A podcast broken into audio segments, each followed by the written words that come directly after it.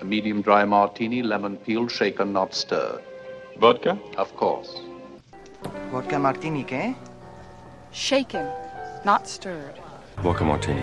Shaken or stirred? Do I look like I give a damn?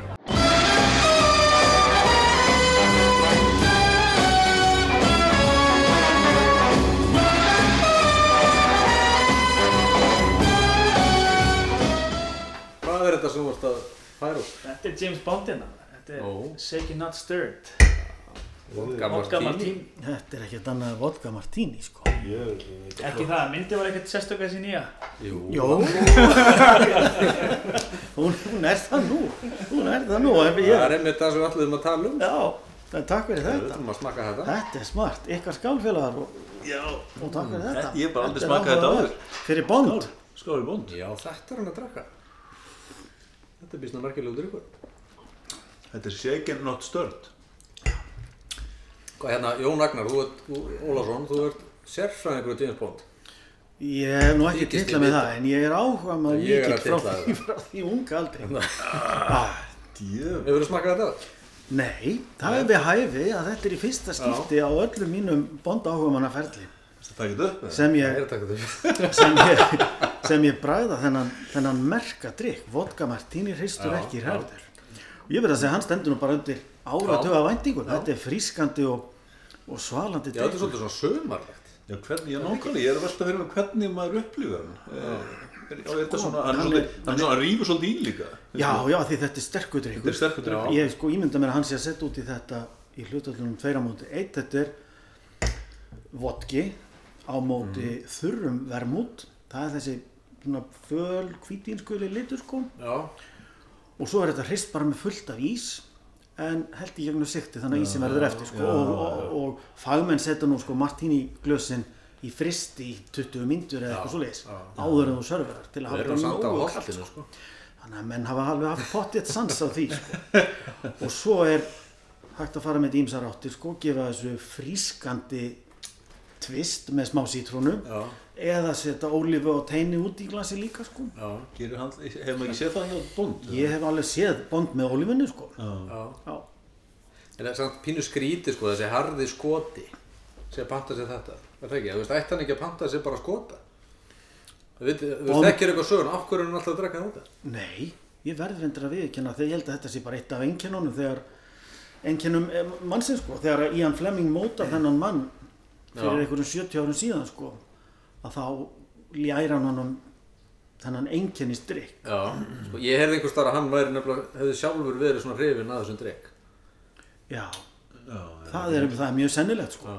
Svo má vera að hann hafi bara notið um þetta rétt eins og hann nöyt um nafnið á njósnarann sko. Já, hann sá einhverja bók eftir einhvern fuglafræðing um fuglavestur India Þetta átti að vera eins vennjulegt nafn og... átti nefnilega að vera mjög banal svona skrifstofu blókarna Já, það var já. ótrúlega ekkert Max Power eitthvað svona hallarisnafn þetta er bara eitthvað þurft alltaf engilsaksnest en karakterin hefur þetta ljá hefur skapað þessu nafni bara öll þau svalheit sem hún getur ímyndar allir göttur síðan.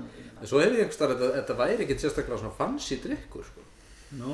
Þú veist, það væri jafnvel svona pínu blabbalegur, ég er það ekki aftur eins og nafni það sem er vennulegt og, og óspennandi til að byrja með verður í meðförum njósnarans dálítið svalt. Og þarna aftur, Hann allar- já. þú tókst þetta þessu sko og maður tala um, er þetta ekki of fancy hann rýfur lúmst í nákvæmlega. þetta er, þetta er svona þetta er lign hýlur sem er hýl Hann djúpur sko, og tekur í kannski átt aldrei að vera eitthvað, hérna, uh, mikið kjendinur í rauninni. Átt, hann, þú veist, hann hefur kannski alltaf átt að vera svona dálítið grófur eins og Craig leikurinn. já, sko þegar kvikmyndaplakatið er uh, fyrsta plakatið fyrir Dr. No Já.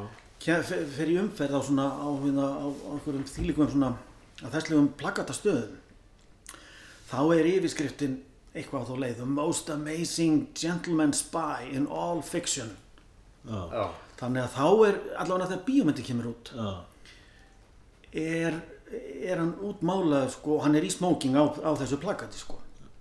fyrsta, fyrsta bíóplakatinu þá er Connery Hann er strax orðin hann er bara... strax orðin smoking klættu sko. hann er engin Já, svona já. hann er engin rusti úti á vettvangi Nei, nei, nei. eins og, eins og njósnararnir til að mynda í í bókum John le Carré sem er sko algjörlega omvend venjulegi menn sem eiga við alls konar vandamál að díla sko. Já, já, ok. Bond, maður ma hrýfst að Bonda því hann á allavega gegnum uppvakstar ár mín, það er aðeins breyst með Daniel Craig, en í gegnum uppvakstar ár mín á Bond ekki dóla mikið af vandamál.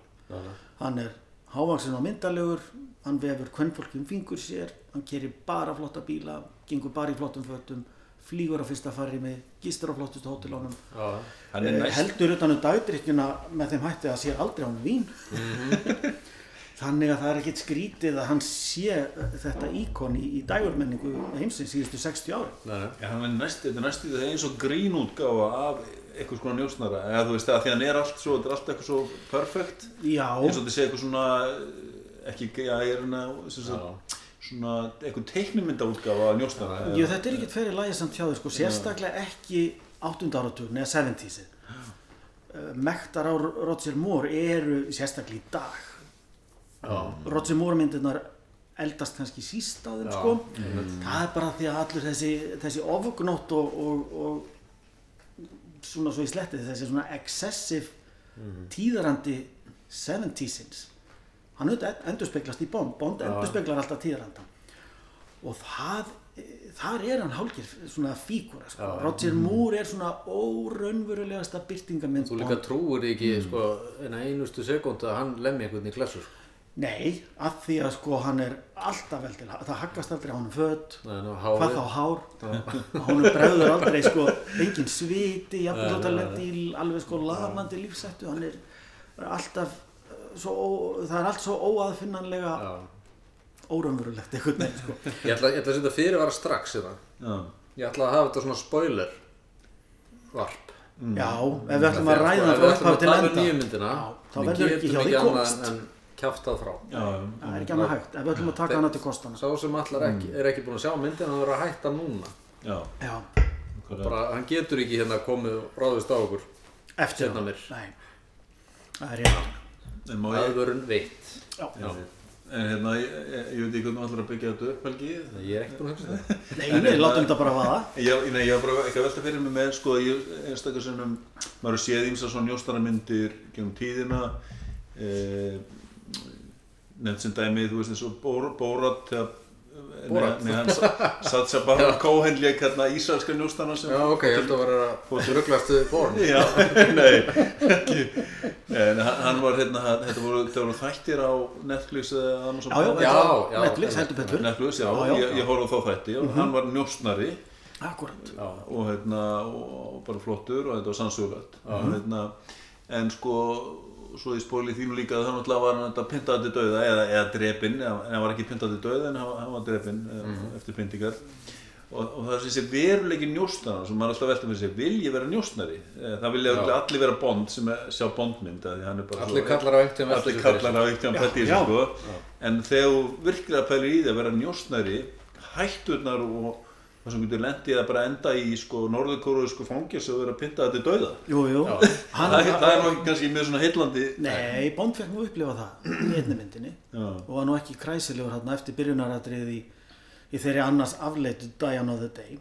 Þá var hann uh, loksins lestur út úr Norður Kóruðsku fangils í fúlskeggjar og þetta allt saman.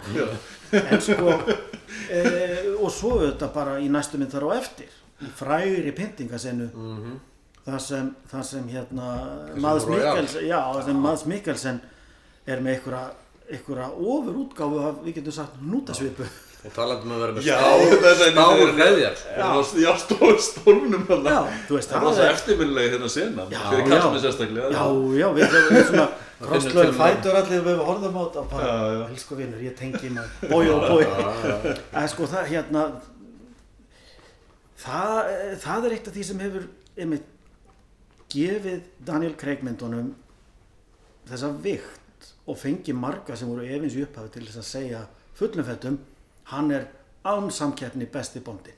Já. Hann hefur bara orðið svo miklu áþreifanlegri og mennskari og tilfinningaríkari, Já, já. brotnari.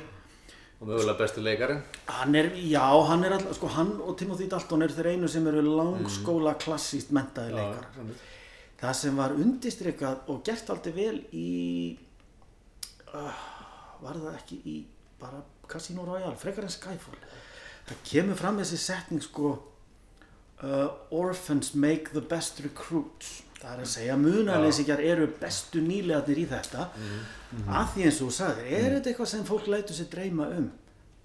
Viltu kveðja fjölskyldu þína og, og, og fara í eitthvað verkefni í hálft ár, eitt ár, hvað það er stopnaður í hættu. Munaleysingjar náttúrulega skilja miklu minna eftir. Þeir eru bara ein einhver reikistjarna án fylgitungla sem getur bara hengt sér eitthvað. Þau eru ekki að svara fyrir nokkuð hlut nema gagvart sjálfur sér sko. það útskýrir rosalega vel að uh, hvað Bond er mikill sko, þú veist hann er þessi eilíðar einfari. Hann er einfari sko. og var alltaf byrtingamind einfarans var náttúrulega mjög vandræðilega eftir að higgja þegar Rótsi Múrleikan af því hann var sko kannski að sænga hjá 5-7 konum í einni bíómynd. Eitthvað sem myndi nú ekki svinga í dag sko. Nei, nei.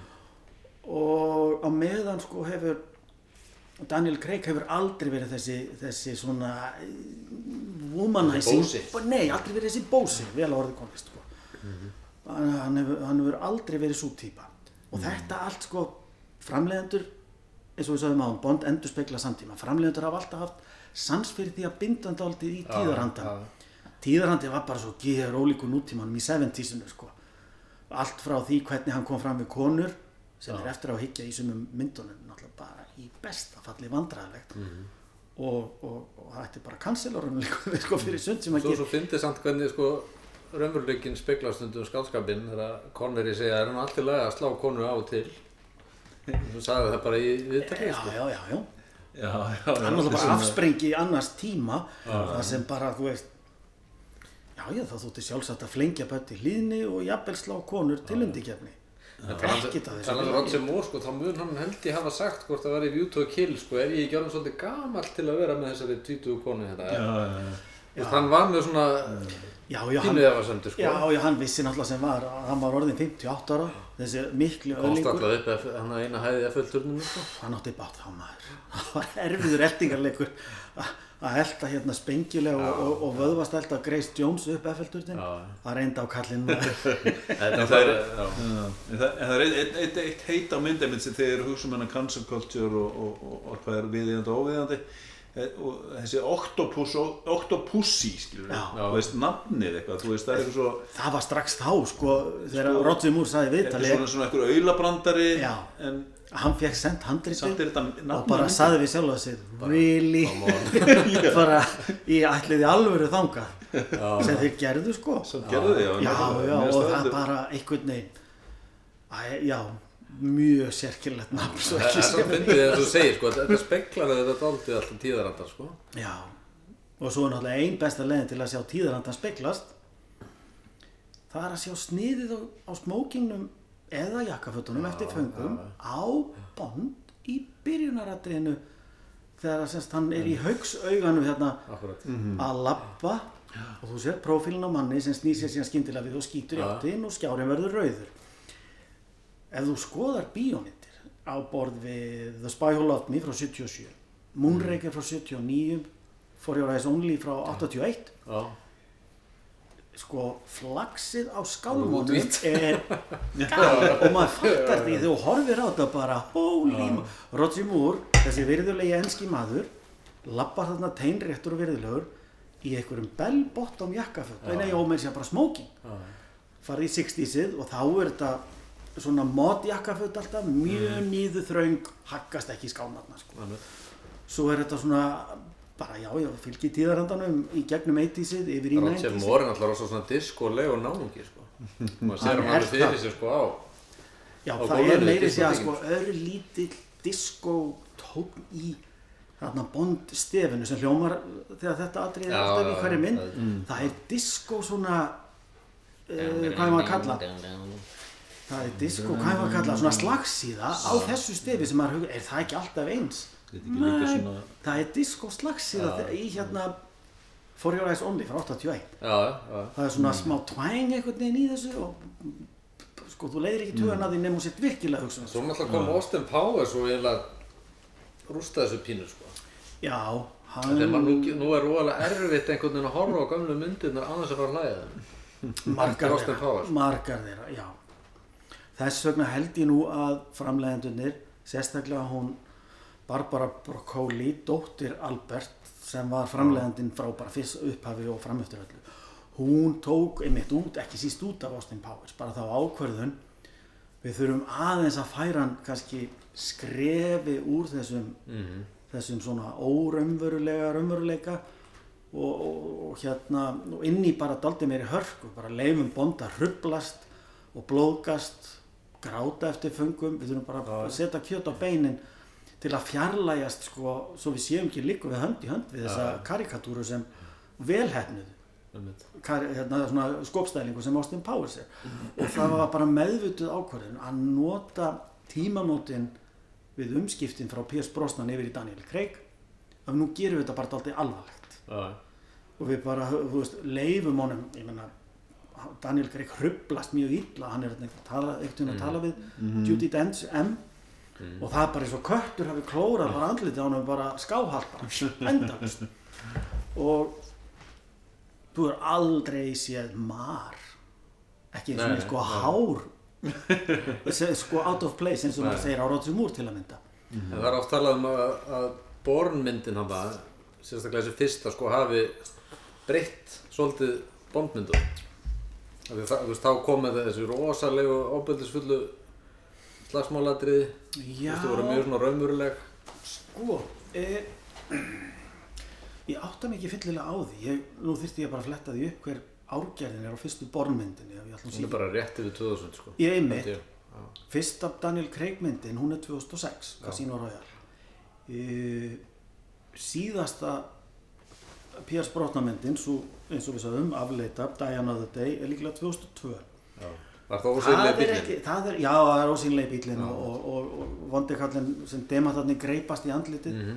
en einhver hluta vegna grefur þá ekki út á, á 200 dögum og allt það og all þessi enda leysi allavega e, það er ekki fyrir því, fyrir því öllu saman er ekki að fara í allan í þeirri mynd sko ég held að þetta sé rétt, ég held að fyrsta bólmyndi sé bara 2000-2001 Já, þannig að þeir allan að punktu þetta ekki hjá sér strax í næstu já. en gerðu þetta í fyrstu Daniel Craig myndinni. Þar er bara byrjunaratriði svart er rosalegt sko. er ofbóðslega svona það er bara svo, það er svo líkamlegt og áþreifalegt og það er bara veist, rosalega þáttanvætti þó þetta sé svart hvít þá er þetta svona með raunverulegri slagsmálatriðum í bondmyndum þú bara fær ekki enni þegar hann brýtur höfuð vonda kassins í, í vaskin sko. Þetta er rosalega flott þessu. Casino Royale, hann að fyrstuð með honum. Þetta er óbúslega gott aðrið og sko það er allt saman meir sér bara í endurliti það er ekki að gerast í rauntíma Nei, nei. þegar hann fer þarna sem sagt vitjar einhvers óheðalegs uh, svona útibústjóra leðanþjónstar í Prag með það fyrir augum að, að vegan af því hann hefur greinlega gerst segur um að stela einhverjum lendamálum Mhm. og þá strax í þessu upphafsatri kristallast afturkvarfið til Connery Mhm. í fyrstu myndinni af þeim öllum, Dr. No er Bond ekki sko þessi svona fáaði mm, ég maður að segja sentilmaður sem Roger Moore var alltaf hann var alltaf frekar svona spöksamur og hann síndi enga tilfinningar aðra en að lifta kannski augabrún þegar hann sá að hann sat hún á atomsprengju eða eitthvað. Sem er töff. sem er þetta mjög og Já, svona já. lifta hann annar augabrúni og íhugaði á ég að gera þetta strax eða á ég að fara að fá mér koktel fyrst? Já, Já, í þeirri mynd þá gómar sem sagt þá afvopnar til að gera langa svo stutta Connery mannakun sem sagt leifur honum að skjóta á púða sem hann er búinn að búa um í rúminu sínu. Hann heldur að sé að skjóta Connery og skýtur nokkur sinnum. Hann er fyrir aftan hurð, lokar hurðinni og segir drop it professor. Professorinn sest á rúmbríkina og Bond svona fyrir að tegja sig í síman frekar annars hugar og, og professorinn gýtur augunum á, á vopni sem hann slefti á gólfinu endar á því að ná í það og skjóta til þess eins að heyra smell Bond bræður ekki svig heldur segir that's a Smith and Wesson and you've had your six. Já, hann veit að maður er með tóma byssu en skýtur hann bara samt. Já, og það sem að dettur á gólfið og engist þá setur hann annars skot í mjórheikina á hann liggjandi þetta er daldið atrið í fyrstu mynd nei fyrir ekki í hérna Casino Royale.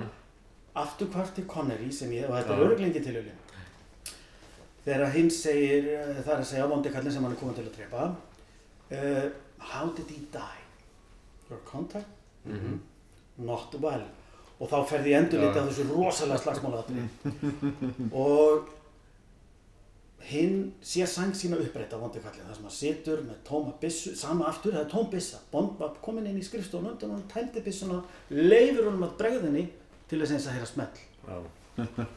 og hann seg, uh, hinn segir well you needn't worry.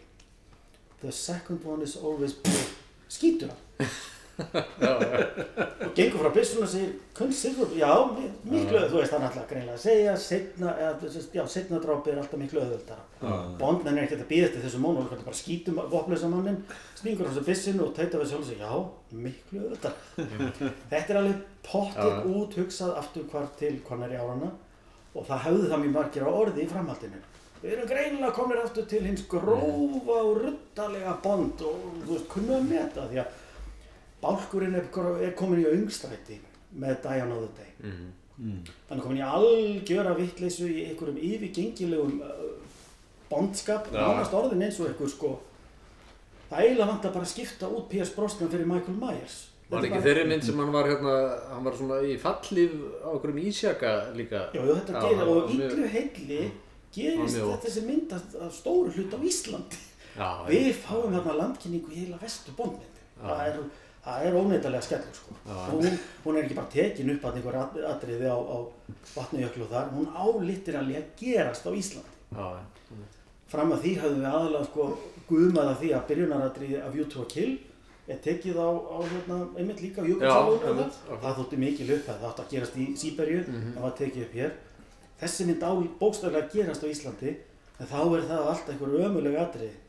Með einmitt ósýnilegum bíl og einhverju ruggli sko. Er- ég var orðið rosalega þreyttur á, á, á því að, að þessu öllu saman og, og, ég man bara því ég sá fyrstu auglist þeir eru það búið að ráða nýjan bond. Það er þessi leikar og ég þurfti að fletta hver er "Bíddu, hver er þetta? Býttu þetta er þetta morðmunkurinn úr, úr Elizabeth sem leikur líka að trauka á það morðvargin í Road to Perdition. Já.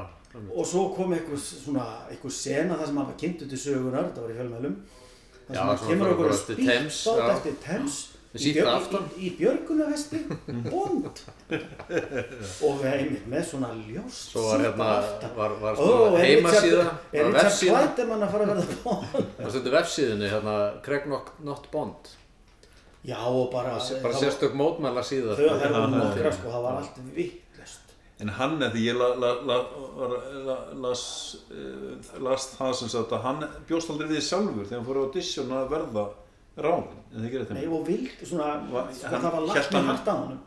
Hann mætti ekki að því hann svo auðlýsingu það var hringt í hann. Var hringt í henni? Já, af því að Barbara Broccoli sá hann einmitt í áðurnefndri Elizabeth eru reynda frábæra mynd með Kate Blanchett. Já, já, þú veit. og hann kemur þarna lappandi í einu atriði í svona munkakubli eftir svona hálflýstum gangi einhverjum í einhverjum kastala eitthvað. Og kublin svona hálfskikir á andlitið og hún fekk bara eitthvað, eitthvað sín, eitthvað vitur er þessi, já eitthvað svona sko. Mm. þannig komið Bond, þú veist, sýnir bara hennar einsæði, Já, ég hef aldrei átt að með þessu sko. Og Craig náttúrulega sker sig úr hinnum Bond leikurunum svona flestum að hann er, hann er ekki beint smá fríður í framann sko, hann er ekki hann er ekki jafn svona klassíst myndalegur á Fallegi nei, hefur hún verið staðar.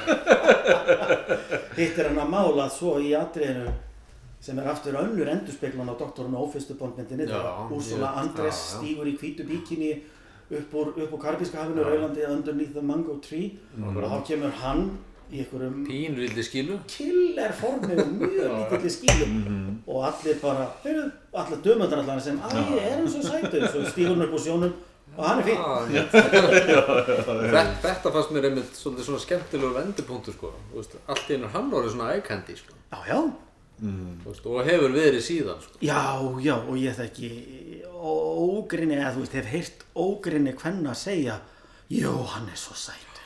Hann var hann guðdómlegur.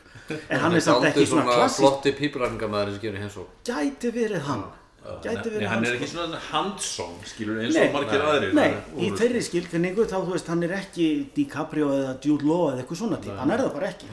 En hann er með mjög flotta rödd og hann er náttúrulega rosalega flinkur leikari. Já, og þú fer mjög langt á því að vera flinkur dramatískur túlkar, Mhm. sko, eins og hann er. Hann er bara mjög flottur, flottur leikari. Og um leið til þess að aftur sko, um leið og hann er valinn líklega til þess að gera þetta aldrei svona alvarlegur allt saman þá hafa leikstjórar bondmyndana síðan, að, síðan hann tekur við Mm. hlutverkinum þetta er allt frekar svona alvarlegi gauðra sem er ekkit endilega að vinna með happy Nei. endingan eitt svona sko. Sam Mendes og einhverju Já, hann hefur nú ekki gert mikið af gleði myndum Nei, sko. heldur betur uh, American Beauty. Road to Perdition Road to Perdition. Uh, Revolutionary Road. Mhm. og Jarhead strísmyndi með Jake Já, Gyllenhaal sko, þú veist, hann er ekki endilega að vinna með að allt fari vel fyrir alla Nei. hluta þegar bara ekki sko.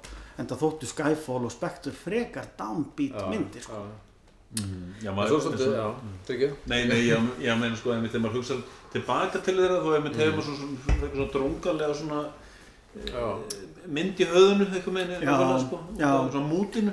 Já, já, það, það, mútið í kreikmyndunum er frekar íþingjandi sko. já, já. og, og svona dimmt og, og fólk hefur sagt, já ég man þetta í þegar ég fór á bond til að skemmta mér það, þú veist, Já, já. finnst þetta bara þetta er bara orðið alvarlegt Mér fannst þetta einmitt orðið svo leiðinlegt með seinustu myndunum hans brosna sko. Já. Ég- Ég bara hugsaði með Ég- seinustu, ég bara ég ætla aldrei aftur að Nei, ég tek undir það sjá sko. bondmynd sko. Já, ég tek undir, sko, ég sem hefði verið mjög já. bondmaður bara alla mína æfi hugsaði bara með mér, kannski er bara, þú veist, kannski er fjöri bara þrótið, kannski er þetta bara að koma á endastu, það ég meina hefði geta gerst, en kúvendingin sem verður með Casino Royale Já, sem er sko það mikil að ef eitthvað segir við mig, hún er bara besta myndin að þeim öllum, þá er ég ekki kannski að mótmála mikið, nei, hún er kannski top 3, top 5 definitely, Já, já. hjá mér. Með það góð að sko þá er bara bátnum bjargað á einu bretti með Mm. slíkum bravúr að enginn hefur sagt síðan með fullu viti og fullum sansum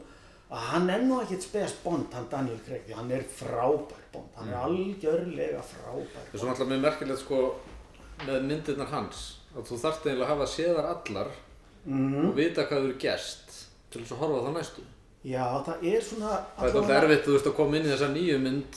Á þess að horfa á seinustu Nei, nei, Af það að er sérstaklega- sérstaklega með tvær, sko. og þú veist, þú veist ekki neitt sko sérstaklega með tvær síðustu þá er bara, er bara myndin er bara framhald af síðustu mynd Já. það er bara ekki annað og það hefur nú oft verið svona einhvers konar framvindu þráður allavega hana í gegnum myndina sko. mm. aldrei jafn mikið og núna það sem bara þetta, þetta er bara beint framhald og Já. eins og þú segir það er, það er eiginlega ógerningur að skilja nýja myndina til fulls No Time to Die án þess að hafa séð Spectre Mm. það er mjög snúið sko Já, og helst þarf að hafa séð allar fimm til þess að fá bara þennan þennan framvindu þráði í þetta allt sko. og það er svo mikið af hlutum svona mm, eitthvað útskýrðir eða svona kynntir til söguna skulum við segja í Casino Royale mm. að þú verður eiginlega að hafa séð hana til að skilja af hverju hann er svona tilfinningarlega kaldur og þar sem þetta Já, hann verður bara fyrir áfallin allir Casino Royale. Er mjög miklu áfalli. Og er þar af, í framhaldinu sko þangað til hann hitti hana Madeleine Swan í Spectre er hann ekki tilbúin að binda sig? Það er bara mjög, er mjög sérkjær eða svona, ég maður segja, sér, sérstakt atriði í Quantum of Solace sem er önnur myndin hans Daniel Craig það sem sko aðal skvísan í myndinni bara gerir sig grein fyrir að hugur hans er annar staðar. Já, hún bara segir, ég vonu verðir hamingjúsamur eitthvað tíma og, og svo bara ekki á milli þeirra.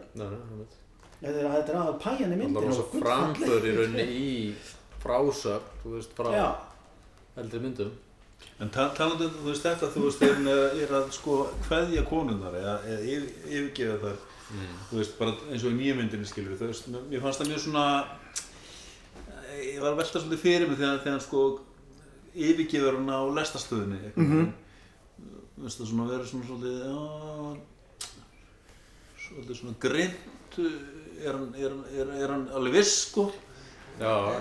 Já. Nei, ég, hugsaði þetta líka en þá kemur aftur upp sko, þá kemur aftur upp þessi Þannig að er hann, hann er var að- obviously ástofangin af henni, já, já, en það er bara búið að endurvekja þessa brinju og þennan tilfinningakulda í honum sem sést mjög skýrt einmitt í sko í lokin á Casino Royale þá veit hann að Vesper sem var fram að því bara ást lífsans mm. og hann syrði mjög mikið, sko hann veit að hún létt tveimur skjöldum samt sem áður. Mm. hún bar augljóslega tilfinninga til hans en hún var samt uh, ekki, hún kom ekki alveg af, af fullri nei. fram við þannig að þegar M spyr hann, þú veist, ertu tilbúin að koma aftur til starfa? Ég þarf að vita að þú sett með hausin á herðunum. Þá svarar hann bara á þess að blikna the bitch is dead þetta er aftur þarna sko þarna bara, hann er aftur bara dregur sig inn í bara brynjuna þegar hann sko, það minnsti séns að hann sé aftur að lenda í því að konan sem hann er orðin hrifin af sé einhver leiksoppur læpasamtaka, Mm. þá er betra bara að loka strax á þetta, svo hann hendur henni bara, bara í lest Það er alltaf ákveðin bölvin að líka allar konar svona deyja eða, eða hverfa einhvern veginn sko. Já, sko við, bara, bara við sem áhörundur höfum alltaf sætt okkur við það að hann líkur hverri mynd á að vera búinn að bjarga heimilum, ganga frá vondakallinum og býst til þess að væntalega sænga með konunni, svo er myndin búin, svo bara byrjar þetta á nýtt næst, við fáum í raun aldrei að vita þannig hvað varðum, við varst þú ekki svo hamingisömmur hérna fyrir tveimur ára síðan með einhverju dömu, hvað er hún? Mér, fannst verðilega gott í þessari mynd sko, að koma heldur tvö, jafnvel þrjú atrið þar sem þú heldur að myndin sé að detti gamla bondgýrin Þú veist, hann hittir einhverja konu og hún svona, hm, ekki kikið inn í Sörnbergi, er þetta? Já, flott Sörnbergi, og hann bara, já, já, allt í lagi. Og svo er eitthvað annað, þú veist, að fara að gera, sko. Og það, það er svona vísvitandi er, hann, er gert lítið úr hann, sko. Mér það sýnir náttúrulega Aftur og aftur, Það sko. sýnir náttúrulega bara aftur að því við erum að tala um þú veist tátt tímans og Já. því að nú erum við bara að lifum á þessum svo kallu MeToo tímum eða hvað við kallum þetta. Mikið rétt, Já. slöfuna tímum og allt þetta dót sko. Heldur betur. og þannig eru þeir að reyna að tækla það og mér finnst það bara gert svolítið vel, sko. það er gert rosa vel, Já, það, já, það já. sjáum við pottitt fingraförinn á Phoebe Waller-Bridge. Já, akkurat, já. sem var fenginn eftir á til þess að slást í teimi handritsöfunda No Time to Die. Og hún á alveg pottitt á þess að ég hafi séð handrits hérna eintak það sem er strikað undir með rauðu hvað hún gerði. Mm. eins og atrið í nýjumyndinni það sem hann er að gefa sig fram hérna í, í hvort það var ekki fangelsi. Já, að því myndin er svo eina sem ég bara sé einu sinni þannig Mm. að Bond. Og einhver vörður sem tekur á mótuna veit ekkert hver þetta er og lítur bara blanko á og, hann, og, og þannig er hann að segja sko, það sem hann hefur hingað til verið að segja við einhverjar dömur með stjörnur í augum yfir honum, einhverju spilavíti. Mhm. Bond, James Bond Mhm. þá þarf hann núna að endur taka sig að því að, að því að einhver gaur veit ekki hver hann er. James Bond. Þetta er svona- þetta er svona self-deprecating og þetta er pottjett fingraförn hennar Phoebe Waller Já, það er alltaf margir að pælt í því með sko, hvað hún hafi gert. ég held að það sé, það sé þessi húmóriski vingill Já, ég finn aldrei þennan svona sjálfsniðurlægjandi kaltæðni húmór í úr þáttunum hennar frábæru, Fleabag. Einmitt. Eh, það, það, það held ég að Og hennar þetta hafi sko, verið sko. þessi búið að taka af honum númerið já, já, og svo segir hann it's just a number. Já, það er alltaf alls ekki sko. það er það alltaf bara alls En ekkert það er og svona svo- verið að ruggla í áhörundum með þessu sko. já, já, klárlega og með nýja 007 hérna, já, já, hérna njósnarunum og það er verið að ruggla ekki- í okkur já, sem er ekki bara kona heldur þeldökk kona það er Já, verið að, já, já. það er verið að hrista upp í öllu Sem er skemmtileg vísun í Austin Powers. Frábær vísun frábær vísun. Og hún er hörkut og hún er mjög svona Beyoncé. já, já, Já, hérna Ekki það, það hvað hétt hún? að hérna hún hétt Foxy Cleopatra. Já, með vísun í hérna Cleopatra Jones úr, úr, úr samnefndum já. 70s spennumyndum. Já, uh, hún hérna hún hérna Naomi sem er 9.007 í, í upphafi No Time to Die. Já, er mjög sjálfbjarga og flottur agent og myndi alveg standa undir bara eigin bíómyndum einmitt. ég geti alveg hugsa mér að fara á bíómynd þar sem hún er að, já. að redda hlutum og lúskar á mönnum sko, ekki nokkuð spurning. og hún Og er mjög, það- mjög vel valinn myndi ég segja. Það hefði verið hægt að taka einhvern bustakliftan Mhm. dút bara til að vera hinn 9.007 Já, já, En- akkurat. þessi uh, trúverðuga harðsnúna svarta kona er eiginlega frábær kindilberi 007 númersins. Og og er þú veist svo síðasta í röðinni af nokkrum karakterum sem hafa verið fasti í gegnum myndirnar sem hefur verið snúið á haus í Daniel Craig myndunum. Það er að segja að Felix Leiter er orðin svartur uh, Miss Moneypenny er orðin já. og, allt, og það er einhvern veginn bara gengur frábælega Svo á móti sko er margir sem, er, er, sem gaggrina það sko, já ok, ég meina, hérna, það er verið að tikka í bóksin sko. Þú veist, við gera Money Penny, að, hérna, það, er, svört kona, þú veist, þessi er orðin sidekick en hún er samt sko sidekick, skiljiði, hún, hún er ekki aðaladriði. nei, nei. Þú veist, spurning hvort það stend sko Bechdel prófið á endanum. Mm, já, já, það er mjög góð spurning en um, En sko, hefði verið, hefði verið betra að gera það ekki? Ég held, ég held ekki. Nei, ég held nefnilega ekki. Og að þú horfir á gömlu bóndmyndunar, þá eru allir sem eitthvað kveður að fyrir utan einstaka vondankall. Þeir eru hvítir. Já, Þær eru rosalega hvítar. Uh, Fymta myndin með honum Connery, Live Twice, gerist reyndar í Japan. Það er þetta aldrei mikið af, veist, það var örgulega bara til þess að ljá. Dr. No eru allir vondir svartir eiginlega. Já, fyrir utan sætkirkjans, hérna, uh, sem reyndar, reyndar týnir lífi þegar líður á myndina. Já, Hörkutólið Pussfeller. já, já. Hann hérna fær, fær, á- fær, á- já, já, Þetta er alltaf einhver slatt sér. já, það er náttúrulega alltaf slapp shit, sko. Diamond, hérna, Diamonds are forever. Bondi spilavíti, leikinn á Connery þegar Connery kom Já. tilbaka. Akkurat. Uh, einhver dama mæti við borðið og sko það munar engu að brjóstir á henni detti bara út úr kjólnum, sko. Og, og hún segir til að kynna sig I'm plenty. Og Connery lítur nýra á barmi og bara of course you are. Og þá segir hún plenty of tool. Og hann svona hika við named after your father perhaps. Já, þetta er alltaf svo, finnur allir er alveg svona myndir. Já, og, og, og, sko, þetta fer á yfirst núna ekki Roger Moore myndunum. Það, ef þú myndir sína öfgum eða einhverjum viðlíka félagskap til að mynda The Man with the Golden Gun frá 75. Þar fær hann liðsinni einu svona sem oftar uh, útsendara frá CIA. Nema það er ekki Felix Leiter. Það er bara eitthvað bikini bimbo sem heitir Mary Goodnight og hún er svo mikill sko, hún er í myndinni höfð svo mikill glópur og þetta ekkert í sinn haus og að, sko eitt atrið sem er náttúrulega bara skelfilegt í endurliti sko, að hann svona býst við að eyða nóttinni með Mary Goodnight. Og hvort að hann segir ekki think it's time for a good night eða eitthvað svo Já, já. þá er í hennu banka á dittnar og hann svona byttu hérna aðeins og kíkir í, skjá, í hérna, gæðugatið. Þá er það önnur sem hann hugsa með sér. Hmm, jafnvel ennþá frekar.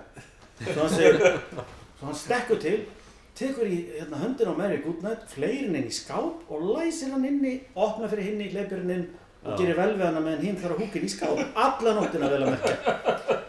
Og það er kannski flokkar, sko, hérna eru gaman myndirnar í James Bond, hérna eru alveg myndirnar, sko. já, þannig að sko En svo var náttúrulega einn sem heit Christmas. Og þá, þá Já, kom frasinn Christmas comes early this year. Já, já, eða twice, hvernig var þetta? Já, Christmas comes twice this year. Það vendum að sækja brandana, skilur. Já.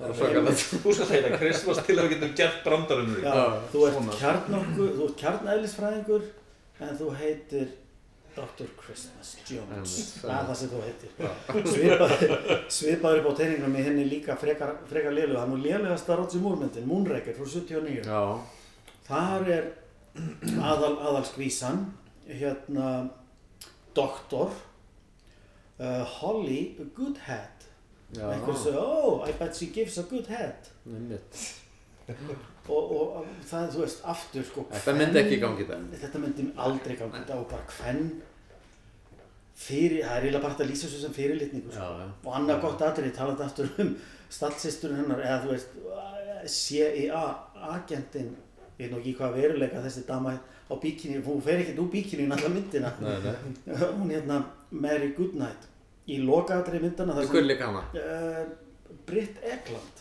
Já, já. þá var já. þetta eigin konar Peter Sellers þess, þess ágættamans í lokaðatri myndana það sem, það sem hérna, leigumorðinginn mikli, The Man with the Golden Gun Francisco Scaramanga Já. hann er búinn að útbúa svona vítisvél með leysigisla Já, og Bond hefur með herkjum tekist að, að slökka á henni nema hver kemur á vettum nema Mary Goodnight sem fyrir eitthvað að- poti alla takkana á, á stjórntækjunum og, og snúa sig við og rekur rassin í sveifina sem gangsetur hann upp á nýtt sko. Og er það þar sem geislinn er næstu búin að fara gegnum hérna klófið á? Ei, ha, þá erum við að Það tala um annað. miklu betra atrið úr, úr, úr Goldfinger Já, já, já, en þannig við sko bara hvern þú veist, einhvern tíma var sagt já við vorum nú reynda bara að hnýta þessi CIA, þetta var útsendari frá þeim hálgerður rati anspænis bond sko Já.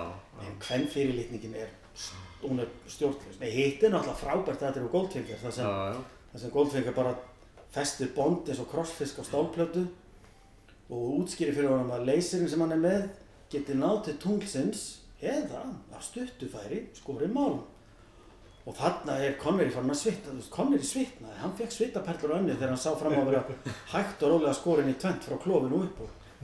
Og upp úr kemur náttúrulega hinn frábælega flegi frasi þegar hann liggur og, og, og gólkingar er bara að ganga á braut hann ætla bara að lefa geisla, hérna geislanum að sjá hann sig Já, Do you expect me to talk? No, Mr. Bond, I expect you to die Ég ætla ekki að fá neitt upp það er alltaf, að kemur úr þessu myndum þessi hérna að sko þeir eru aldrei drefnir strax. Það er alltaf mjög langur aðdragandi mjög löng einræða og svo á þetta að líða mjög hægt og, Svo og Bond vandi fána- kallinni helst ekki á staðnum. Nei, og það, þetta er ekki náttúrulega bara í bónd þetta er ekki mörgum öðrum myndum. Já, að bara kallir bara fer Já, já. Já, og treystir Einmitt. bara eitthvað, eitthvað, eitthvað drast Kve, kveikir ykkur kveikithræði Já. sem leysir ykkur að mjög elaborat atbúrarás og læðingi en hann sjálfur fer af vettvangi svo, svo að okkar maður fáun og ráðrum til þess að hérna til þess að leysa sig upp en þarna sem sé textunum að honum bond okkar að að nefna sko áætlunina sem Goldfinger hafði í huga. Operation Grand Slam á nafn Já. það fær fær Goldfinger til að hika svona Grand Slam.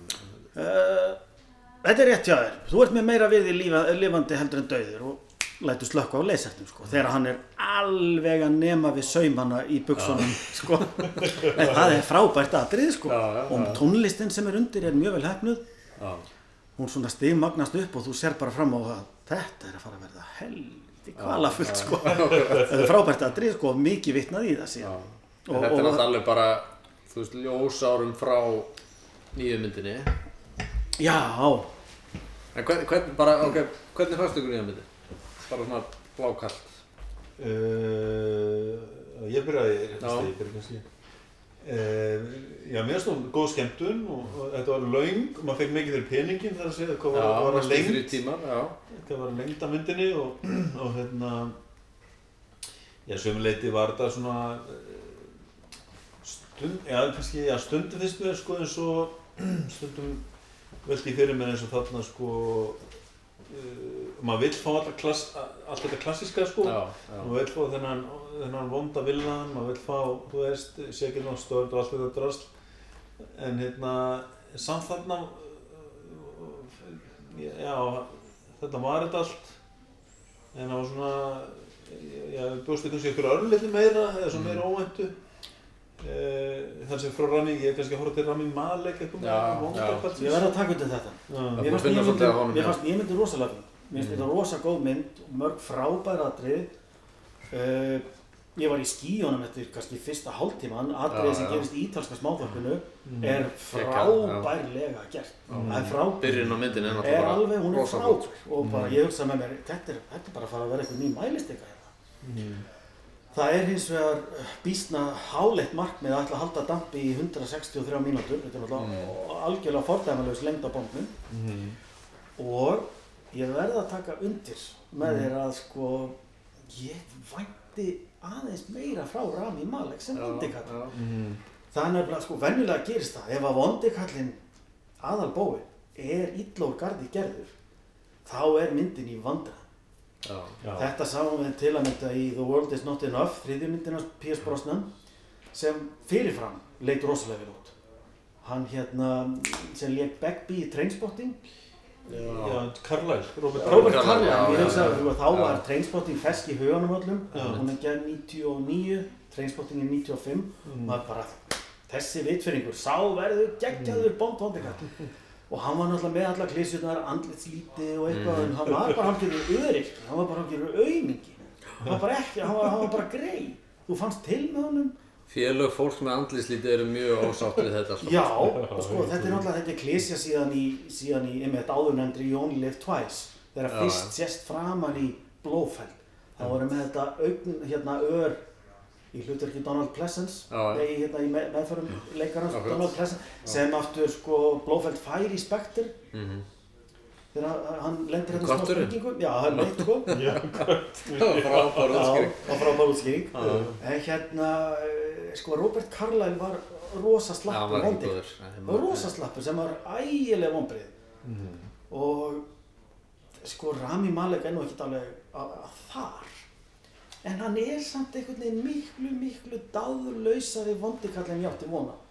Þetta er frábær leikari. Ég held hann er þetta aldrei aðsóps meiri en einhvern veginn sko hann, hann er ekki þetta er ekki að því markja myndin gjaldi mjög illilega fyrir það. Nei, en það hefði örgulega verið hægt að gera þetta örlítið betur er ekki ókveikjandi Nei, hann er finnur aftur- ekki fyrir Nei. mók þegar hann Nei, þú hálfparti finnur, finnur til með hann sko. Mhm. og, og það er það, það er, það er sko góður bond vondikall verður bara að vera megalomanískur algjörlega vitfyrstu maður Já. helst svolítið dekadent ef hann á svona tikka bara í bóksin Já. Og ef það er aðeins á, á, á kostna trúverðuleikans þá eru bara að hafa Svo það er alltaf spurning að, þú veist, ef það er búið að færa myndirnar inn í þetta raunsæði, þú á hann þá bara að vera, þú veist, eins og Putin, eða, þú veist, Já, sko, þú nei veist, þarf hann að vera bara svona ósku venjulegur. það, Nei, það verður nefnilega að vera hægt að feta þetta einstígi milli sko of mikils raunsæðist þannig að þetta verði ekkert gaman og ótrúverðurleika þannig Já, að þú hættir að trúa á þetta Mér finnst þetta að takast mjög vel til, til að mynda með frænda okkar, uh, Maðs Mikkelsen. Já, já, Ég meina, hann var frábær með pínu andlitslítið, þannig að hann Javier táraði Bardem sko. Javier Bardem er einn allra besti Já. bóndikall sko. Ég sko nákvæmlega, ég hugsa til hans en sko, þegar maður, maður finnur eitthvað með bara með svona óþæginda tilfinningu Já, því hann Stundum var, ó, hann var algjörlega óstöðvandi í sinni ílsku, sko. Uh, og hann var vel ekki þessar lýsingar um fangelsinu sko, Já, sem var skilin já, og eftir þú skildir svo vel hvað Og knúði þannig að reyna við hann, það er svolítið skemmtilegt líka. Það var frábært aðri. Þú skildir svo vel hvað knúði þessa menn áfram og þú hafði fulla trú á því að þeir, menn, þessi menn munu ná markmiðum sínum eða deyja við að reyna. Það. Já, Það hefur voru óstöðvandi. Og, og með því að sko, þótt að maður orðin aflitaður og í einhverjum fínum fötum og, og svona pjattaður eins og hann var sko í þeirri mynd, hann Javier Bardem í hlutverki Tiago Rodríguez, að þá svona mynda mig á hérna óstöðvandi ílsku sem hann tólkaði fimm árum áður í No Country for Old Men sem var annar svona landmark vondikall sko bara, þetta er bara eitt besti vondikall sem ég Það er líka bara sérst kannski, þú veist, þú ert með svona virkilega góðan leikara, sko. Þú veist, hann, hann hlýtur að hafa haft svolítið mikið að segja um hvernig Já, personan var leikinn, sko. Akkurat, en þannig ertu aftur með tiltölu nýbakaðan Óskarsvelun að hafa. Já, það er þetta- öll spil á hendi til þess að gera þetta vel en Já. einhvern veginn er handritið vantarlega bara ekki alveg að fleitunum upp í efstu hillu bond ílmenna því miður Nei. og það er svona kannski, það næri, myndin er það góð að það næri ekki sko að draga hana niður í eitthvað ves Nei, nei, nei, nei. en maður svona kemst ekki hjá því að hugsa að þetta hefði nú sjálfsagt verið hægt að gera ennþá betur Mm. sko, En Hasarætin eru mjög flott. ég bara með svona almennt. gríðarlega flott þessi mynd allir er á Kúbu, bara flott. sko. frábælega gert sko, sko, að- eiginlega allt í þessa mynd er bara frábælega gert þannig að hún lifið þessa lengt af ég sá henni bíó án hlés og var bara allsæll allan tíma sko. Þetta frábært en aftur er sko vondakallin við nefndum á þann síðustu mynd Roger Moore af View to a Kill frá 85 hann er orðin roskinn og er með að hlaupa og það sér bara á Já. honum að þetta er maður komin af léttasta skeiði. Myndin er, þú veist, upp og ofan hún er, hún er alveg sleppur sko. En það sem tekur hana svona handan við hotnið þannig lag er frábær vondikall, íllmennið Frábært lag líka. frábært lag með Djúran Djúran en íllmennið, Max Sorin er leikinn og Kristoffer Walken þeim já. frábæri leikara hérna, aflitaður með, með svona Ray-Ban löguð sjóngleru sko. Uh, gjörsamlega vitskert afsprengi eitthvað erðafræði tilruna nazista Já. þetta er beautiful og hann er eitthvað svo óbúslega svona dekatent og, og, og, Mhm. og algjörlega vitfyrtur í hann ætla bara að sökva hérna Kísildal og verða einræður á, á einhverjum örgjarámarkaði í heiminum. Þetta er bara alvöru markmið. Þetta er alvöru markmið hjá Bond ílmenni það er, þú veist þetta, þetta, þetta er þetta vandrataða einstígi það þarf að vera stórtækt og, og svona vel brjálað markmið sko á þess að leysist upp í algjöra vitleysu. En sko oft verða bestu bondmyndirnar þegar að það er draga saman seglin mjög rækilega vegna þess að þeir eru komni bara í geðbylun Já, já. Samanber Moonraker frá 79 þá bara þá var Bond komin einhvern út í game í einhverja geislabissu hasar í restina sko. þeir voru náttúrulega vísvitandi að Take a Star Wars sem er já. smellurinn þarna á undan sko og myndin er bara, hún er algjörlega vitfyrt vitleysa sko og þá draga þeir mjög snöggli í land þó þessi bara, þú veist, það er önnur Roger Moore mynd en óbúslega lágstemdu sögutráð í For Your Eyes Only frá 81 það er bara einhver tölva sem allt snýst um sem er bara hægt að halda á þessu tösku sko. Svona einhver borð tölva sem stýrir í rauninni sko flugskeitum NATO og upphefst kappleip þetta er mjög einfaldur sögutráður og inn í þetta fléttast hemdarsaga sem sagt uh, hálf grískrar konum en pappina var sem sagt útsendari. Hún átti gríska móður, breskan föður og pappin sem er myrtur, frekar snemmi í myndinni hann var að vinna að sama hlut og, og Bond tekur við sko. Já, já. hún slæst í hópinu hjálpar honum. Hún er semst í persónulegri henn hann er í þjónustöðunar hátegnar en sko sögur þegar hann er bara hann er frekar afmarkar og lágstend Já. það er enginn út í game það er bara að eldast ykkur tæki, ykkur hlut. Mm, svipaður upp á teiningunum alltaf með Casino Royale Bond er komin í einhvers konar fáránlegar æfingar með ósýnilega bíla og vittlisu í Diana of the Day og það þarf bara að taka almennlegt þvernýpinir Já. í veruleikan með Casino Royale þetta bara snýst um ykkur pókerspil En- en Ekki mannst þetta allt. Þú veist, ma- manstu þetta úr öllum myndunum, hvað var já, alvöru? sko já, já, Varst þú þetta?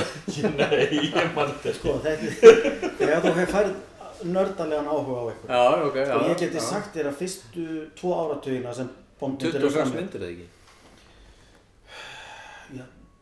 Já, Jú, 2015 núna, Þú gæti farið svona mastermind Já, já, já, já, nei, sko, að því að eitthvað sagði, er, þetta, er, er nýjasta myndin 2005 eða 2007? Hún er 2015 ekki? Ég hef ekki tölun á hraðbergi, en ég gæti rakið mig bara frá Dr. No og þá myndi ég vita, Já, sko. já. En jú, hún er 2005, Já, Diana, já. hérna, No Time to Die.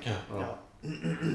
Það er nú þannig. Já, já. Og sko- ég, er nefnilega- ég, ég man sko, ég man mjög oft, þú veist, hver var Bond, stelpan og hver lék og vandakallin eitthvað svona, ég, ég get, ég vilt ekki muna sko hvað var plottið á vandakallin, sko. Já, og það er nú eiginlega aðalatri. Já, ég veit það, Eitt er að vita, nöfn karaktersins og leikarans Já, sem leikur vondakallinn og sem leikur svona, eins og það heitir á ennsku henchman eða já. svona aðal aðstofa vondakallinn Einmitt. og Bondgæluna, þetta þarf maður að vita. Sko, það voru þrý leikstjórar sem leikstýruð Bondmyndum fyrstu tvo áratugina. Já, Terence Young, Lewis Gilbert og Guy Hamilton. Ég get ekki alveg sagt þér hver leikstýri hverju, en þessi þrýr, þeir leikstýri þessu gegnum 60-sið og gegnum 70-sið, já, já. með misjöfnum árangri. Lewis Gilbert til að mynda leikstýrði You Only Live Twice, sem er síðasta mynd, eða svona, það er síðasta mynd fyrsta kapla. Sean Connery. Já. Hann er greinlega orðin svo döðleiður, Já, já. hann gerði held í fimm myndasamning og var svo fedd upp þegar að fimmtumyndina hann það sést bara á hann bara ég vildi vera eitthvað annars en ég Já, já. svo gerði hann The Spy Who Loved Me sem er hvað þriðja mynd Roger Moore? Roger Moore, það er frábæð mynd hún er alveg sæmilega óraunveruleg og, og Já. enda mjög megalomanísk uh, markmið hjá vondakallinum það bara s- kjarnorku eigða heiminum og stopna nýjan heim neðan því það er allt miklu betra. Já, já, auðvitað. og svo hann Moonraker sem er, sem er mjög vond sko. Skemmtilega vondsamt. Sko, Moonraker hefði með smá svona, hefði verið komið smá böndum á hana, hefði hún bara Já. geta orðið bísna góð, sko. Það er margt mjög flott í henni. Já. En það er líka margt í henni alveg aflegt, eins og ástarsaga Jaws, vondakalsins með stáltennurnar, Tanni. Tanni, sko, eða stálkjæfturinn, Það er nú svona og, og, og, og, einhverjar ljósherðarar dömu, sko, einhverjar er, Já. er algjörlega bara fráleitt, það er svo galið, sko. Já. Ég sakna þetta aldrei svona gauðra eins og tanna, sko. Þessi- með auga þannig þessari í nýju myndinu, sko. Hann, Hann er svona, hann er svona vísun í þetta. Já, já, hann er hann er svona áttinni. gerfi auga sem svona, það er mjög skondið atrið það er svona dettur út úr höfðinu á honum hann í einu Já, aksjónatriðinu, já, sko. það er mjög smart. Já, já, já. Hann er Sem er einmitt, svona eitthvað vélauga, sem já, hérna já, sem verður honum að falli í lokmyndarinn. Já. Já. Þetta, hérna, þetta, jú, það er, þetta vandrarlegt bara hvað, Já, hvað ég hef á hraðbergi. Ég man til dæmis ennþá eftir viðtal sem ég las einhvern tíma við, við hérna, indverska leikaran Kabir Bedi. Hann leik Govinda sem var lífvörðu vondakallsins í Octopussy.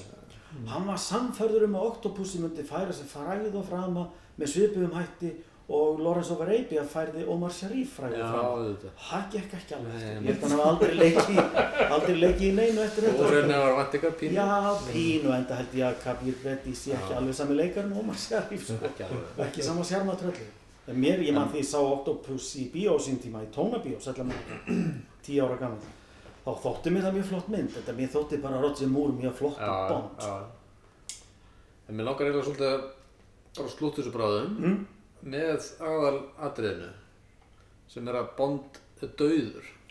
já, það lítur það allavega þannig út fyrir okkur Ég nýði í hvernig óskofunum ætti að geta lifið af svona lofskeita ára, sko. nei, En maður sér, sér ekki líkið, sko. Nei. Maður sér ekki líkið. sko nei, það, það, það eru skilin við það með þeim hætti að sko þessum kabla Bond bálksins, það er að segja Daniel Craig kablans einfaldlega- hún líkur að því ekki einasta deyr Felix Leiter heldur. Bond sjálfur Nákvæmlega. sem er náttúrulega algjörlega þetta er fáhært í meira lagi sko. Og mjög skemmtilegt. Við, þetta, þetta, þetta, þetta er auðvitað mjög dramatíst og flott loka Mhm. mm og það er bara, það er ekki þurft auga í bíóhúsinu ekki nóg sért bara með stál Þetta tók á manni. Já.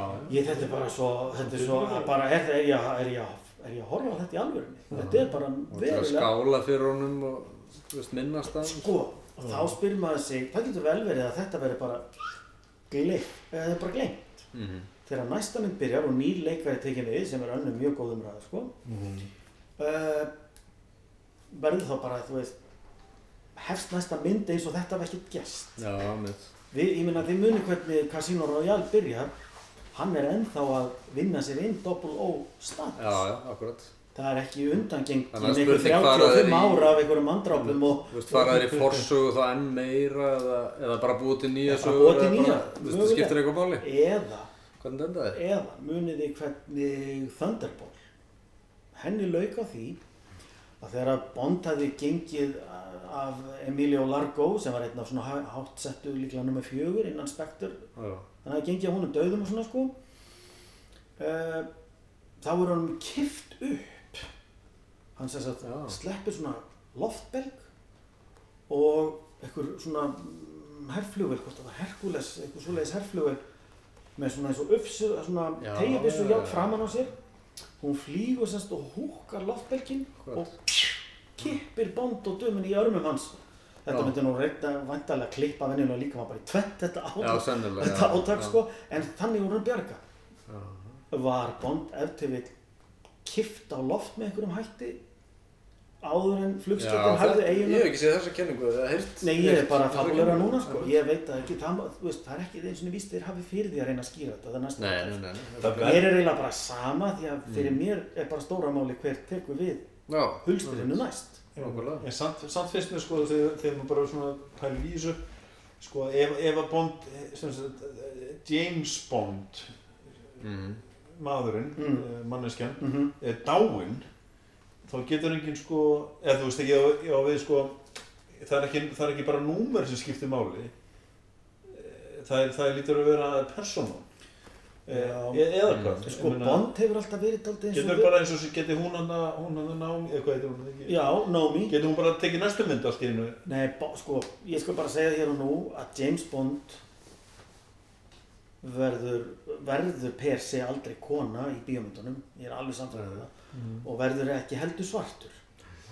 Og segjandi það að Idris Elba er bara með að minna uppáhaldsleikara, frábær leikari, en þannig bara einst, einfallega einstaklingu sem er skrifaður af Ian Fleming forðum Já, daga já. sem bara hvítu kallmaður, mm. gagkinnhegður, with a vengeance. Uh, sko ekki frekar en það er búin til bíómynd með hvítum John Shaft það er bara það er bara ástæðalust að vera eitthvað að breyta mm. það er þetta að hneka öllu hinu til fram og tilbaka sko. hver veit já. nema í fyllingu tímas verði með sér M svartur, einhver maður af kona meina, það þóttu tíman að takk þegar M var orðin kona Mm. að GoldenEye kemur í bíó 95 það kom flestum í opna Já, skjöldu já, nákvæmlega. mjög mikið heilla spór því Judi Dench er frábær leikona og var frábær Bond í öll sín hvað 15 á 17 Já, á alveg, 95 já, til 2012 já, sko, mjög í, í. Skyfall þeir eru- frábæra mynd sko. þannig að þú getur jugglað og leikið með allar þessar breytur Já. en ég held að Bond geti aldrei með góðum móti verið neitt annað en hvítur og gagkinnheiður Mm. kallmaður það, því það er bara einfallega karakteri sem Ian Fleming skóp á sínum tíma Og það verður ekki Matthildur Bond, Ég- dóttir hans. Já. Spilli, spillerna áttur. Það getur verið það spin-off það geti verið. Og sko ég myndi, að- eins og við sagðum þetta áðan ég var alveg til að sjá bíómynd um um hana hérna Nomi sem hún Lashana Lynch Já, leikur já, á miklu myndaskap það er kona í krabbinu sem, sem er alveg fær um að sjá hún sjálfa sig og lúskar á manni og öðrum En framleiðendur Bond hef- hafa aldrei fall, fallið þá fristni að búa til eitthvað svona spin-off Nei, Nei. ég held að það sé þetta mjög klókt. Það er mjög auðvelt að að svona reyna að græða ekstra á En nú er samt búið að selja, í rauninni, eða búið að selja, hvernig er þetta, M- MGM, allt Já, saman hefur verið já. selt til Amazon, eða hvernig er þetta? Já, en sko Eon Productions sem á nafnið og allt heila Já, Gillimói þeir eru ennþá með, það er í eigu Barbara Broccoli Já, sko, þannig að, og Michael Wilson þannig að það þeir geta ekki það er alveg ótrúlega flott við þessa nýju mynd, hvernig tókst að þegja yfir öllu saman. mm. Af því að sko, sérst, á okkar tímum þá einhvern veginn lekur allt út. Veist, það var reynda búið að segja en að hann er líklega pappi myndinni og veist, mögulega er einhver kona að fara, veist, leika 007. En Jú, það jú. fór ekkert mikið lengra en það, sko. það er rétt, það er Og rétt. svo segir sagan líka, eða sérst, einhvers þar las ég það, að Danny Boyle vildi ekki gera þessa mynd af því að hann deyr. Hann var að, við það. já, það má vera, ég hef ekki heyrt það ég held En að, það, það, það vissi enginn af Nei, nei. hverju hann hætti við. Nei, nei, nei, það var og bara- það það var bara talað um ágreiningur vegna handrits Já. eitthvað leis það má vel vera það, það er í máli sko það má vel En það er vera svona, já, mér finnst eiginlega svona aðdánavert hvernig algjörlega framleiðundunum öllum tókst að þegja yfir öllum pakkanum það allt er, COVID. ég, ég bara þegar þú spáir ég er það algjört Já, afrek, sko. COVID er ekki búið, en já. en það er algjört afreg á tímum internets Já, já. og, og ég meina frétt hér er komin út um allan heim Já, á nokkru sekundum. Og þetta er alveg rétt, það er bara aðdánavert að það hefur tekist að þegja yfir því sko. Því að hér í eina tíð ef við spólum aftur til ásins hvað, Mm. 92, 3, 4 hvernig það var, þegar fræg glæpamynd The Crying Game kemur út. Já, já, þá var í henni atrið sem sko sjokkaraði alla og bara vissu þetta ekki? Holy moly sko. Það er lungu, eða þú veist, það er áður en internetið er í, á hversmanns borði sko og það er mitt, það tókst að svona að halda því þetta er svona leyndu en, en á, að það sé hægt nútidags er er rauninu bara afreg sko. Og þar á undan svartuðu pappi loga Game Gengils. já, einmitt, ég var svo Six, lansam six Sense. Já, Já, ég var svo lansamur að öll þessi atriði aftur svart höfði í, í, í tónabíó fórðum dag uh, í Star Wars 2 eða episode 5 uh, The Crying Game, þessari frábæri bíómynd og lokanleikurinn í Sixth Sense. Ég vissi ekkert af þessu. Sko, einmitt með nýja myndina ég ber mig ekkert sérstaklega eftir því að vita allt um myndina fyrirfram. Ég er svona reyni frekar að koma algjörlega blanko já. að borðinu. það er orðið svo erfitt, sko. já, það er orðið erfitt, það er alveg rétt. Með öllum trailerum og fréttum og... já, ég einmitt gerir mig farum að bara vera ekki að klikka mikið á þetta. Nei, það er svona, ég skal leggjast yfir allt rastlið ég fekk nefnilega að sjá eftir mynd, sko, viku áður en að sýningar hófust. Mhm. Ég svona grenjaði það út sem gaggreinandi Já, já, og þurfti að þegja í viku. vitaskuld, Tókst það nú? í En það var erfitt. Það er auðvitað erfitt. sko. En já, ég hlakka dálítið til að sjá, sko, ég hugsa hérna frá, öfugt við það sem var áður þegar að, segjum þegar George Lazenby tekur við af Connery, þá er hann bara einhvern veginn, hann gengur beint inn í framvinduna bara frá Connery. Það, það á ekki að vera neitt tímagat þarna á milli, þetta er einfallega tíma samfella. Það er allt annað upp á teininu þegar Daniel Craig tekur við hlutverkinu, þá einfallega er hann bara nýgræðingur, hann er bara nýkomið með double O status sko. Allur, allt sem á undan er gengið er bara irrelevant. Það er allt í nöður við í svona The Simpsons. 30 ár og umheimurinn breytist og tíðarandinn breytist og það eru freyga tilvísanir í samtíman en fjölskyldan sjálfur bara frosin í tíma. Já, Ég ímynda mér að næst þegar að bondmynd kemur fyrir sjónir okkar og nýr leikari tekið við byssunni og öllu mm. að það verði þetta aldrei bara svona einmitt nýtt upphaf. Já, áreiks, þú veist, það er allir fastarnir hérna uh, rafmagn á milli Bond og Miss Moneypenny. Uh, negatíft rafmagn á milli Bond og M. Og ég vona bara að Ray Fiennes haldi áfram í því með að það Já, frábæra já. leikari sko, hann er mjög fín M. Já. en þeim tókst þetta síðast rosalega vel þvert Mm. á mínar svona þvert á, á taugaveklinu mína reyndist Daniel Craig ótrúlegur happafengur Mm. af því markið hann einfallega bara bjargaði þessu, þessum bálki sko. Já, þannig að nú býð ég dálítið svona spenntur og kvíðin í bland eftir að sjá hver spennir á sig það byssubelti er sama Ertu ertu með eitthvað svona hvað- sko þetta? draumurinn minn væri að Tom Hardy tæki við þessu Mm. það er að því ég er af Daniel Craig skólanum og Tom Hardy er einfallega frábær leikari. Er hann nógu svona... Ætla að sé orðin á gamall. Það er mín, mitt áhugjafni sko. það er aldurinn. Mér finnst hann sko, ég hef aldrei séð hann brú, brús eða Tom Hardy, skilur við. Nei, Eða þú veist, já, hann er alveg Ég hún var- var í honum sko. Það er- jú ég hef séð hann brús en ég hef bara spáðið hvernig hann sé svona nógu svona... Geti verið haft þetta fáa lúk Já, þetta, þegar þess þarf? þetta, er, þetta er nánast beint afrið af því sem fólk sagði um Daniel Craig. Já, er hann með þessa fáin, hann lítur út eins og útkastari á skemmtistað eitthvað svona skilur hann, púl, ég meina Daniel Craig í, í smoking í Casino Royale, Já. bara kaupir hann samstundis, bara Já. shut up and take my money. Þessi gaur er fullkominn. Dan, nei hérna fyrir ekki við Tom Hardy er bara hörkuleikari, það stafar á hann um hætta þú efast ekki um hann er tilbúin að beita ofbeldi. Lukkar í smoking þá sjálf það sem hann hefur farið í smoking ég, sko, þetta er eins og, eins og þú segir Helgi að ég er hrættur um að hann sé Já, over the hill í aldri. Daniel Craig er 38 já. þegar hann leikur í Casino Royale fyrsta hlutverkið. Ég myndi halda að þú þurfi Já, var alveg að því, þetta er bara ákveðin fjárfesting þú þarft að púla minnstakosti þrjár myndir. Já, og sem þú er alveg mátt ekki vera mikið yfir fært ekki mikið, helst aðeins undir. Ég bara held að þeir eigi eftir að koma með einhvern sem enginn veit hver er gæti Ég er verið, alveg að vona það. Já, gæti verið. Þetta verði sama gæsarengin og hérna.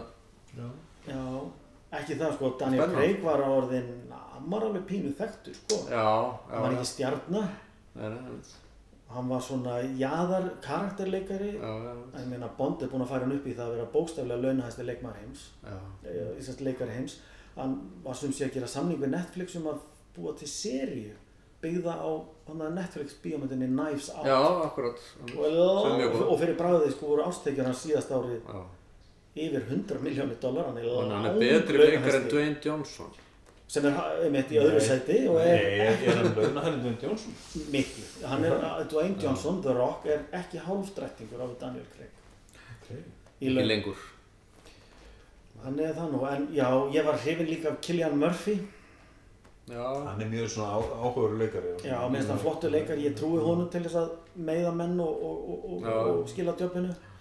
Ég er ekki hrifin af Tom Hiddleston. Minnst hann allt og músalegur. Já. Ég kaupi hann ekki. nei og svo man ég ekki hvað hann heitir sem leikur hérna enga, enga lífverðin í það oh, ég þurfti að fletta þessu upp á hann ég kom hann leikur hérna í þáttum sem vöktu mikla aðtegli hann er sem sé hermaður sem verður svona enga lífverður breskrar þinkonu Já, já. Þú veist hvað ég er að tala um? Jú, hann leik líka í Game of Thrones. Já. Já, hérna, er eins og Martin eða? að Já. takk, takk, einmitt, einmitt Akkurat. heitir, þáttum ekki bara The Bodyguard? The Bodyguard já, einmitt, hann leikur lífverð, hvað heitir þetta Það er ekki Costner Einmitt, svona ég veit ekki með hann. Mér finnst hann of strákslegur og, og ekki alveg nógu hann er of svona bláegur einhvern veginn. Það er mikið Kevin. Costner sko, þá ein hugmyndin er að Bond færi bara yfir í ellina næst sko. Þú veist, hann verður bara hann áttræður. Já. Ég er of mjög mikill gamall njósnari og ég þetta er verður of svona- mikill svolítið reyntrúa annað, maður til að kaupa þetta sko. Já, reyndar Bond verður bara að vera sko, alltaf þú veist, 42 eða hvað það er sko. Já, já, já og orðin nógu gammal til að vera lífsreyndur en nógu Já. ungur til að vera trúverður í smá hasar eins og M sagði nú þegar maður reyndar ekki orðin M heldur bara Gareth Mallory í Mallory. Skyfall It's a young man's game þú, getur ekki Mallory orðin Darling eins og hann er kallaður hérna í nýjastu myndinni. Mallory Darling. Já.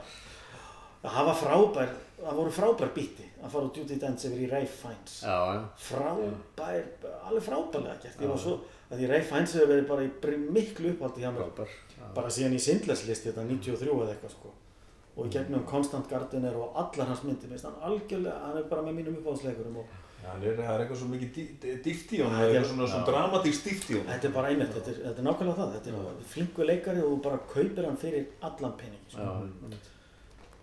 en, en hittir hann það er ekki alltaf allt fengið með því sko, samanber Nei. Spectre sem við nú ekki búið mikið á góma í spjallin okkar í dag þegar svo mynd var svona tilkynnt þá var ég alveg með stjörnur í augum sömu handritsöndar og gerðu Skyfall að því Skyfall Já, er já. svo allra besta sko Já, uh, hérna Ray Fiennes er full time M, hann er bara komið í það já, uh, og einn allra besti leikari samtímans Christoph Waltz já, já, verður blóðfælt, þetta, þetta getur ekki klikka já, ég er búinn að horfa á þessa mynd þrísvar ég sá hann í bíósum tíma og síðan allan að tvisa síðan sko.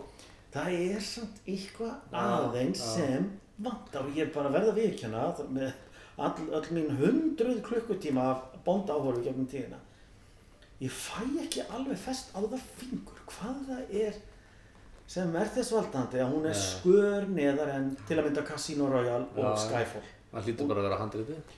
það hlýtur eiginlega að vera sko það, aftur, ég held að Christoph Waltz er ekki full nýttur hann er, hann er bara eins og eitthvað svona að ég veit það ekki Það er kannski bara náðu yktur. má vera hann var, hann var kannski vantaði Tarantino í rekstina. já, til að skrú, skrúa hann upp í hérna hans landa. Það var nú frábær vondukall sko. En einmitt, það er eitthvað sem aðeins ég fór út úr bíó bara, þetta var geggjumynd en Já, á meðan ég fór út af Casino Royale og Skyfall bara, shit hvað þetta var gaman. Og ég get ekki beðið eftir að sjá þessa mynd aftur þetta var En það er frábært reynda byrjunadrið þeirri mynd, er það ekki hérna Mexiko? Jú, einmitt, jú, það er einmitt gott. framúðskarandi byrjunatri frá alveg geggja á þetta Já. að vel að merkja á Dia de los Muertos eða Já, degi já. hinna döðu sem er í dag. Já, er lítið að að bókstæði í dag. Já, sem hefur hæfið þegar við spjallum um mann sem hefur leifið til að drepa. Nei, það er einmitt og, og aftur, mér fannst hann líka ekki nýtt og neitt sérstaklega vel Nei. No Time to Die. En þarna einmitt sko er ef við vissum ekki betur þá verðum við að halda að Barbara Broccoli segði bara við sjálf að segja nú ætlum ég að fara að gera eitthvað annað.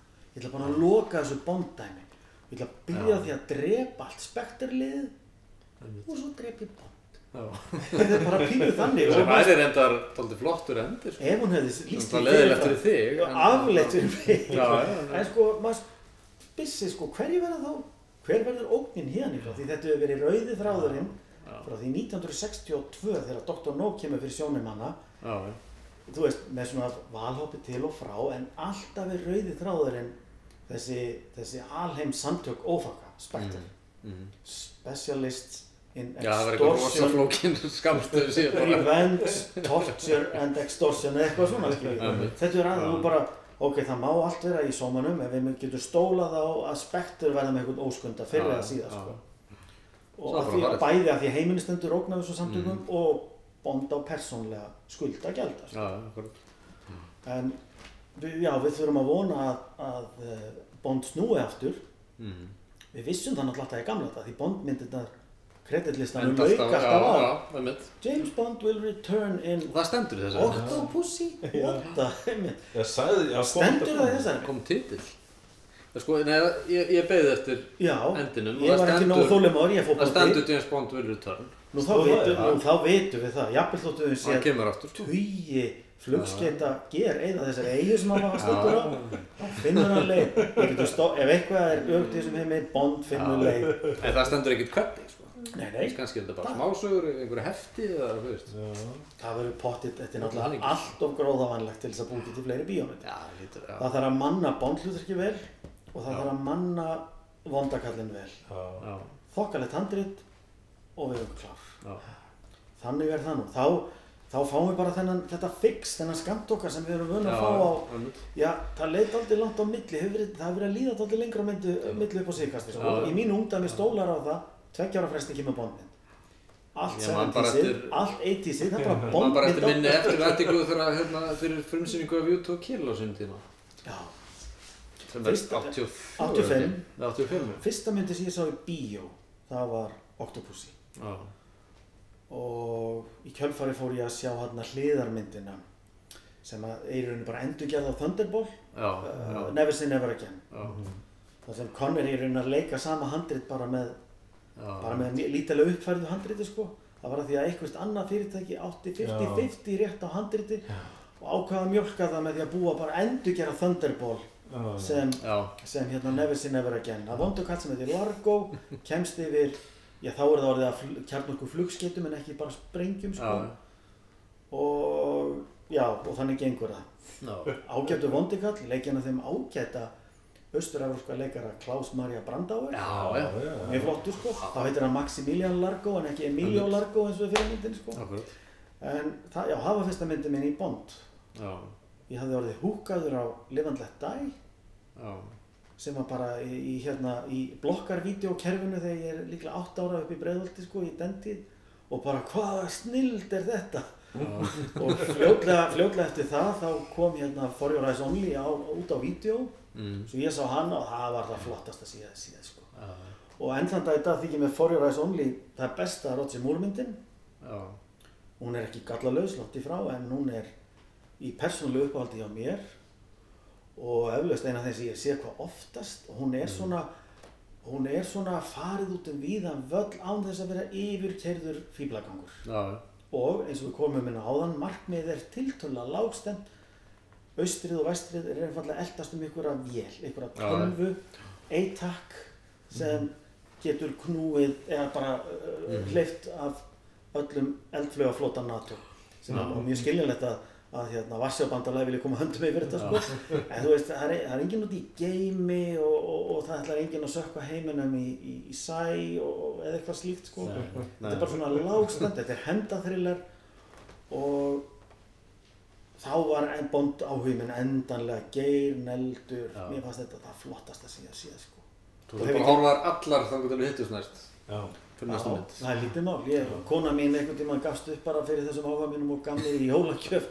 Þetta var í, þetta var ég man ekki hvað, hvort þetta kom til landsins líklega svona í kringum Casino Royale, svona 2005-06 þá var þetta að kaupa í nokkrum búðum bæjarins svona stál Já, stresstösku með já. griftu 007 og svo opnar hana, þá er allur bálkurinn þarna inn í, á, í og hver einasta mynd í tveggja diska DVD útgáfu. Já. þannig að það er myndin á einu disk aukaefni á hinnum þannig að þið vitið að ja, veist, þið sjáuð okkur, okkur ég veit sitt hvað sko, ég er búin að horfa á þetta allt alveg undir Já. drep sko. eina myndin í heimunni sem ég sé oftar en bondmyndir er Blade Runner. Já, ég hef hægt að merkja við í eitthvað stílabók því ég var komin upp í 50 varstu með stílabók? Excel skell Já, ég átti bara, þú veist, stíla, stílabókapenna já, því ég bara, já, Þið veitir hvað maður gerir, 1, 2, 3, 4 strik og 5 í gegn og þegar ég var Já. komin í tíu svona knippi þá bara, æ, hvað tilgangi þjóna þetta? Og horfa á hana svo oft sko. Ég á þá myndið mitt líka í svona litlu boxsetti í öllum fimm útgáfanu sem eru til af, af Blade Runner. Sko. Já. það er sem sé. Ég held ég aldrei séð hana. já, alveg þá þá segir nú eins og ennsku kennari minn í, í mentaskóla fórðum mikið öfunda ég eitthvað bara góð að hafa aldrei lesið Rómið og Júlíu því þá býða eitthvað hughrifin að lesa hann í fyrsta skipti sko. en Blade Runner er náttúrulega stórkoslegt listar og það er það svona nettu framtíða bond í henni sko. já, það er einhver útsendar á vegum hins opinbera sem, sem hefur leiði til að setja ákveðin skotmörk á eftirlaun eins og það heitir sko. já, já. Það, er, það er nettu bond og Harrison Ford gerir það mjög vel. Þú voru að sjá hana? Já, Ég sá hana. klálega Já. er þetta takk fyrir komin í, í hlaðarpið Mín var sannlega ánægjan og, og við höfum þá tíma fram að næsta skipti að horfa á bálkinn upp á nýtt og bera sama við næsta bond hver sem að verður, hvenær sem og að verður. okkur ég að búa til svona vodka martini heima þá- Shaken not stirred. Já, við þurfum að gæða vodka til. Mhm. þurran vermút. Mhm. og Hlusta eftir því hvort við viljum fara í sætt eða salt. Já, ég er alveg sendur með þetta. Þetta Já, þetta er frábært Já, ég skil bond, bond mjög er vel Ég skil hann mjög, mér finnst- mér finnst mér ég hafa tekið ákveð svona skref fram á þeim með því að fá hann að drikka. já, Ég það bóð. fjölda bringuháran með fjölda Já, ég ætla ákveð að þroska skref. já, ég finnst þú að nálgast bond að Já, já, finnst Ég hugsa að næst ef við tökum þetta spjall, þá förum við í hérna flóknari drikk úr Casino Royale sem var kallað The Vesper. já, já, já, Ég sko með þessi að bara viðurkenna að ég man ekki, hann var róboslega flókin. Var það þeirri mynd sem hann spurður Shaken og Stirred eða hvað hann segja Já, þú að lúkla ekki að gefa þetta, já, sem var mjög svona góður. Það er. En ég man bara þegar hérna, þegar Bond segir, hérna, call, call the barman, kalla á barðin. Já, Það er smelt á hann sko, svo kemur hann og hann segir, ég ætla að fá þetta og þetta og þetta. Wait, og, og þá ég ætla að fá að hrista hann. Þá var að tvist í honum, dass af Kína Lillet. Og þetta og þetta og hitt og barþjóðnin kinka kolli, ég náði þessu en rétt svo Já, og svo fara þær að segja, ég ætla líka að fá þetta svona Já, já, og Leiter einmitt. segir eitt fyrir mig en geimdu hérna hold the fruit geimdu þú að sleppa tvistinu sko. sítur um tvistinu það var aldrei flókjendrykkur en Já. greinilega mjög góður þannig að Bara prófa prófa, hann. næst Já. The Vesper Það.